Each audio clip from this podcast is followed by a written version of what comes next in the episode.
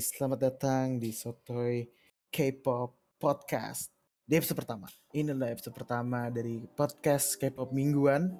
Yang episode pertama ini gue bakal sendiri dulu, tapi nanti di episode episode selanjutnya bakal ada temen gue yang bergabung. Nanti dia bakal bergabung bersama gue di sini buat apa sih biar kita cerita ya apa yang terjadi di dalam dunia perkepopan dalam satu minggu gitu dari hari Senin sampai hari Minggu jadi kita bakal membicarakan banyak hal gitu di sini. Nggak cuman satu dua hal tapi tentunya kita bakal ngebahas uh, comeback konser uh, terus apa yang terjadi sama grup-grup boy group terus solo artis juga. Kita bakal bahas lagu kita bakal bahas artis yang debut gosip award semua bakal kita bahas di sini. Tapi sebelum kita ngebahas soal comeback dan lain-lain, baru aja ada konser Blackpink di Jakarta. Ini adalah kalau gue nggak salah ya, kalau gue nggak salah, ini adalah konser pertama Blackpink, official konser Blackpink di Indonesia di Jakarta untuk pertama kalinya. Karena kalau yang Shopee kemarin hitungannya bukan konser, hitungannya adalah mereka sebagai guest star karena mereka juga brand ambassador dari Shopee. Nah, kebetulan tanggal 19-20 kemarin, 19 dan 20 Januari kemarin, itu adalah konser pertama mereka. Kebetulan gue juga datang di hari pertama. Gue udah nonton bersama temen gue yang bisa dibilang bukan fans K-pop lah, tapi dia emang suka ngikutin beberapa grup K-pop. Nah, gue sendiri sebelum konser kemarin sebetulnya bisa dibilang gue bukan fans gitu dari Blackpink. Gue emang emang gue suka dengerin lagu K-pop, saat mengikuti gosip dan sebagainya. Cuman kalau Blackpink ya biasa aja, suka lagunya berapa nggak yang ngikutin banget lah gitu. Tapi sesuatu terjadi di konser itu sama gue. Jadi kayak kita ber, gue berdua sama temen gue di konser itu kita benar-benar nggak punya ekspektasi di konser bakal kayak apa karena kita juga tahu Blackpink tuh lagunya belum banyak. Dengan lagunya bisa dibilang sedikit kayak gitu. Berarti semua lagu yang mereka punya bakal dibawain semua. Dan memang yang terjadi adalah dibawain semua lagu yang mereka punya. Tapi kalau dimulai dari awal gue sama temen gue langsung udah wah wah gila emang konser K-pop tuh beda banget dan juga sebenarnya konser Blackpink adalah konser K-pop pertama gue setelah uh, beberapa tahun gue benar-benar gak nonton konser K-pop. Konser K-pop terakhir yang gue tonton itu adalah SM Town SM Town pertama Jakarta. Itu udah lama banget. Jadi bisa dibilang juga konser Blackpink kemarin itu adalah official comeback gue ke dunia K-pop. Official. Yaitu di konser Blackpink. Oke, jadi kita mulai kalau kita balik ke konser dimulainya dengan intro terus dibawain tudu-tudu. Keren banget. Gue suka banget karena dibawain menggunakan live band. Jadi emang mungkin karena gue juga gue nggak tahu kalau konser K-pop sekarang itu apakah emang semua grup menggunakan live band waktu konser tapi yang jelas feelnya itu beda banget sama kayak lo dengerin di uh, apa namanya uh, service uh, stream music streaming service gitu kayak Spotify kan gitu itu beda banget kalau live tuh adrenalinnya tuh wah kerasa banget keren banget. Diringin dengan live band. Udah gitu banyak hal unik sebenarnya terjadi di konser Blackpink kemarin itu. Salah satunya adalah yang paling menonjol dan masuk berita tuh ada dua hal sebenarnya. Di mana para member Blackpink Jisoo, Jennie, uh, Rose sama Lisa mereka ngomong bahasa Indonesia. Itu lucu banget. Itu kalau dengerin live itu bener-bener kayak nggak nyangka mereka ngomong bahasa Indonesia tuh selucu itu. Khususnya Jisoo. Harus gue tekankan khususnya Jisoo. Jisoo lucu banget. Dia menggunakan bahasa-bahasa gaul yang kayak unyu terus mantul uh, terus apa lagi ya? Um, kue juga bilang kue unyu. Pokoknya banyak banget. Dan bisa dibilang yang dari mereka berempat waktu di hari pertama yang paling banyak uh, ngomong pakai bahasa Indonesia ya Jisoo sama Jenny gitu. tapi Lisa juga begitu ngomong bahasa Indonesia juga lucu banget. Emang suaranya kan lucu gitu. dan Rose Rose juga lucu banget. Mereka lucu semua sih kemarin. Dan mungkin karena mereka cuma berempat kali ya jadi bener-bener fan service yang diberikan mereka tuh banyak banget. Berharga banget. Terus momen kedua yang dibicarain orang selain apa namanya selain mereka ngomong pakai bahasa Indonesia itu adalah Jenny waktu perform gagal lompat. Jadi kena Jisoo sebenarnya waktu kita nonton sih lucu itu. Itu kejadian lucu sebenarnya bukan kejadian yang sebenarnya yang fatal sih enggak. Kayak menghancurkan performance juga kan justru kita ngeliatnya kayak lucu banget. Karena mereka bener habis kena di Jisoo semua pada ketawa-tawa semua. Kita juga kayak wah. Seru-seru Blackpink hari pertama itu seru banget. Hari kedua asumsi gue sih sebenarnya sama ya. Tapi karena gue juga belum ngorek juga sebenarnya hari kedua itu apakah ada yang berbeda. Tapi sejauh yang gue tahu kalau konser K-pop itu biasa hari per kalau yang dua hari gitu hari pertama hari kedua sama. Nah itu tadi bisa dibilang review konser Blackpink hari pertama dari gue terus yang kedua uh, ada satu kejadian yang bisa dibilang mengagetkan mengagetkan dunia K-pop yaitu di mana video-video K-pop tiba-tiba hilang banyak banget video kan termasuk videonya Twice, BTS, terus bahkan sampai Psy itu juga sampai hilang, taken down, kena copyright gitu.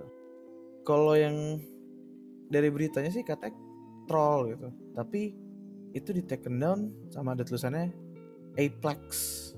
Terus asal usut punya usut, ada salah satu youtuber gitu, dia bilang ya kalau Aplex ini adalah perusahaan software namanya Aplex Software Private Limited. Ini di diklaim sama mereka dan ini berasal dari India. Tapi nggak lama di Teknonya nggak lama karena mungkin langsung diproses sama manajemen manajemen masing-masing grup. Pada akhirnya ya RF uh, eh, balik lagi lah. Tuh, sampai malah sampai ada petisi juga dari mungkin fans-fans K-pop buat ngeban Apex untuk bikin copyright strike di YouTube. Fans K-pop pasti pada panik ya panik banget. Bayangin aja biasanya mereka streaming tiba-tiba hilang diklaim sama company yang mereka nggak kenal. Ya, tapi pada akhirnya video-videonya juga bisa kembali. Jadi para penikmat K-pop khususnya yang suka nonton video klipnya di YouTube masih bisa uh, sekarang udah bisa lagi nonton video-video mereka di YouTube ya. Hmm. Lalu hal kedua yang pengen banget gue bahas itu Chongha. Chongha dari yang dulunya IOI sekarang di Soul Artist. Dia sebelum ini tuh udah pernah rilis lagu Roller Coaster sama uh, Don't You Know kalau nggak salah judulnya. Ya jadi baru be, uh, beberapa minggu sebelum ini sekitar di awal tahun kalau nggak salah dia rilis comeback terus lagu judulnya Gargo dan menang di music show. Akhirnya Chongha dapat first win. Itu kabar yang gembira khususnya buat para fans IOI dan juga buat gue sebenarnya karena gue suka banget sama lagu Chongha dan gue suka banget sama lagu Gargo dan menurut gue ini well deserve banget sih menangnya kayak udah emang penantian fans-fans IOI buat mereka buat Choha menang gitu. udah sangat-sangat ditunggu kayak Choha menang dong menang dong menang. Akhirnya menang juga. Nah terus di minggu lalu juga lalu ada comeback dari Gfriend dengan judul lagu Sunrise. Ini lagunya enak banget. Gue juga dulu suka ngikutin Gfriend gitu dari Megustas tuh terus gue suka banget sama Love Whisper dulu gitu. Sekarang mereka comeback dengan Sunrise dan lagunya enak sekali. Seperti biasa Unha dan Yuju dengan suara-suaranya yang lembut nggak kalah juga MG yang makin hari makin cantik. Lagi di Sunrise makin terlihat dewasa. Dan yang paling menonjol sebenarnya dari comeback ini adalah Sowon. Sowon menurut gue ini justice for Sowon banget sih. Karena Sowon dibikin tampil paling beda sendiri. Lagu uh, rambutnya pirang sendiri dibanding yang lain. Ini sangat menonjol ini comeback yang hebat menurut gue comeback yang tidak mengecewakan. Comeback yang bagus. Lalu ada lagi nih grup yang yang bakal nongol. Salah satu membernya dulu ikutan di Produce 48 masuk top 20 tapi sayang di pengumuman terakhir dia gagal masuk aneh tau ya namanya Heyun dia dari agency yang namanya FNS terus sekarang dia bakalan debut udah debut kayak MV-nya udah bisa dilihat sih di YouTube sekarang Judul lagunya Q&A. Nama grupnya Cherry Bullet. Lagunya menarik, konsepnya juga menarik. Teasernya lucu banget. Jadi mereka pakai senjata gitu. Kayak senjata-senjata mainan gitu yang warna-warni, kayak main dingdong segala macem. Itu lucu banget. Dan buat orang-orang yang atau fans K-pop yang ngikutin Produce 48 sih pastinya apa ya bisa dibilang berbangga hati juga. Salah satu favorit mereka bisa debut. Biarpun bukan di bukan bareng sama One tapi bisa debut dengan grup lain yang juga dari agensi yang terkenal itu FNS. FYI, mungkin kalau ada yang nggak tahu, FNS itu adalah agensi dari EOE, terus uh, CN Blue, sama FT Island. Pengen sih kayak uh, Cherry Bullet nih kalau dari lagu ya, gue suka banget sih sama lagunya. Gue coba berharap ya bisa jadi rookie monster lah. Bisa menang di music show.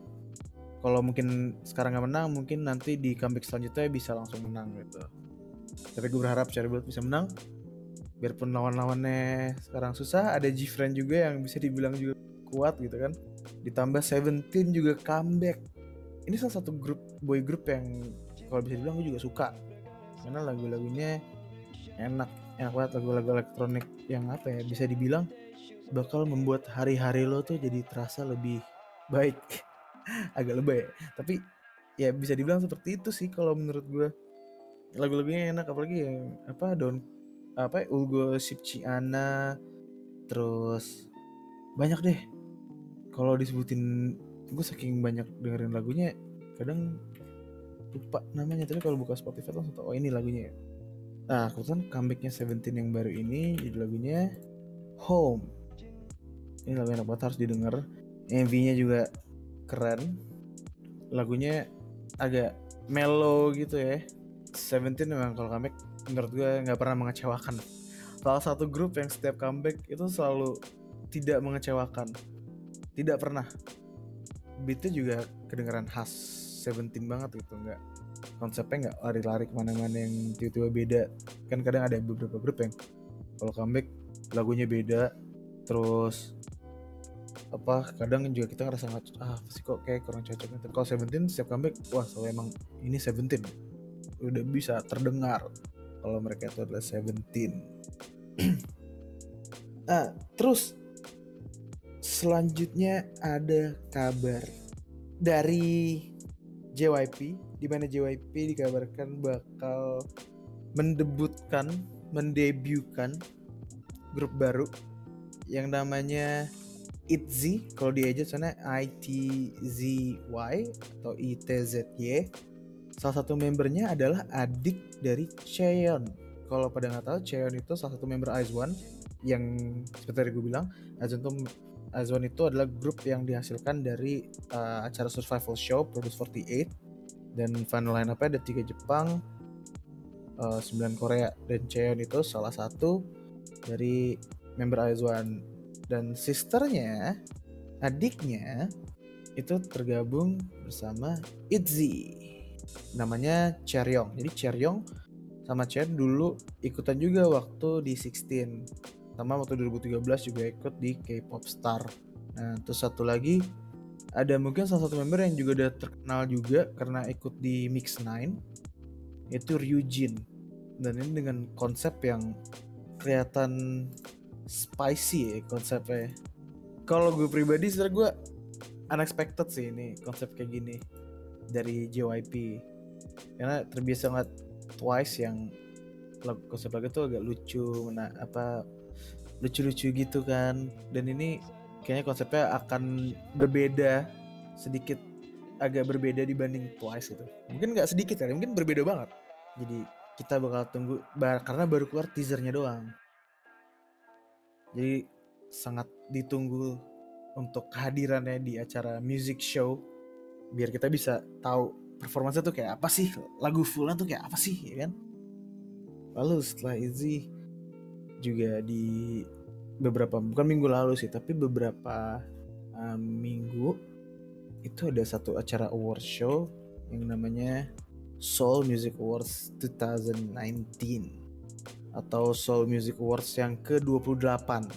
Sekarang bakal gue bacain pemenang-pemenangnya siapa aja. Pemenangnya adalah yang dari dari pertama tersebut Judges Special Awards dimenangi oleh ADOY, terus Band Award yang dap, yang mendapatkan Band Award adalah Crying Nut, terus award untuk hip hop R&B dimenangkan oleh Drunken Tiger, untuk balad oleh Im Chang Jong, terus Dance Performance Award berhasil diraih oleh G Friend.